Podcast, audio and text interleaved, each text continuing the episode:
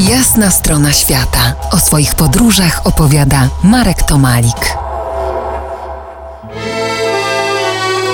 Święta, święta i po świętach. Czy aby na pewno w tradycji prawosławnej według kalendarza juliańskiego to właśnie dziś jest Wigilia, a jutro Boże Narodzenie. Świętujemy zatem dalej.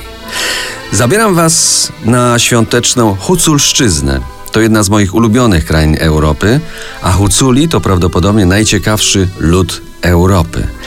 Bardzo silny wewnętrznie, to też przetrwał wielu swoich okupantów gospodarzy, a było ich kilku. Ruś Halicko-Wołyńska na początku, potem Rzeczpospolita, Austro-Węgry, ponownie Rzeczpospolita, dalej Związek Radziecki, a teraz Ukraina. Już pod koniec XIX wieku opisywano Hucułów jako ludzi bezpośrednich, niezależnych, silnych, twórczych, pełnych pierwotnej szlachetności i szczęśliwych.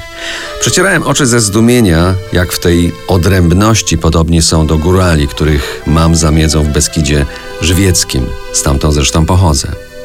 Huculi nazywani często najciekawszym zabytkiem etnograficznym Europy to górale z rejonu Karpat Wschodnich w Dolinie Białego i Czarnego Czeremoszu między Bukowiną i Zakarpaciem na terytorium dzisiejszej Ukrainy. Podobnie jak wszyscy górale karpaccy mają przodków wołoskich. Od lat żyją sobie z wyrębu lasów, spławiania drewna, pasterstwa. Wytwarzają sery owcze, m.in. brędzę i bunc, nazywają trochę inaczej, po prostu buc. Nieliczni zajmują się także uprawą roli, wielu natomiast do dziś jest flisakami, kuśnierzami, a ciesielskie umiejętności zapewniły im pracę także w innych rejonach Kresów. Od kilkuset lat wyznają te same wartości. Ich kulturę kręciły wpływy rumuńskie, rusińskie, węgierskie, żydowskie i to od strojów po muzykę i język. Do dziś przetrwało ich około 300 tysięcy. Mówią gwarą huculską, to jest takim dialektem zbliżonym do języka ukraińskiego. Duże piętno odcisnęła polska szlachta, która zasiedlała tę ziemię przez stulecia. Pomimo tych wpływów, a także następnych tureckich, tatarskich, cygańskich, ormiańskich i niemieckich, Huculi zachowali swoją odrębność i swoiste poczucie dumy.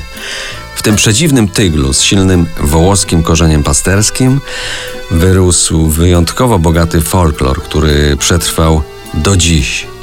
Zanim wprosimy się na huculskie święta, za kilkanaście minut opowiem o moich peregrinacjach na tamtejszych ziemiach. To jest jasna strona świata w RMS Classic.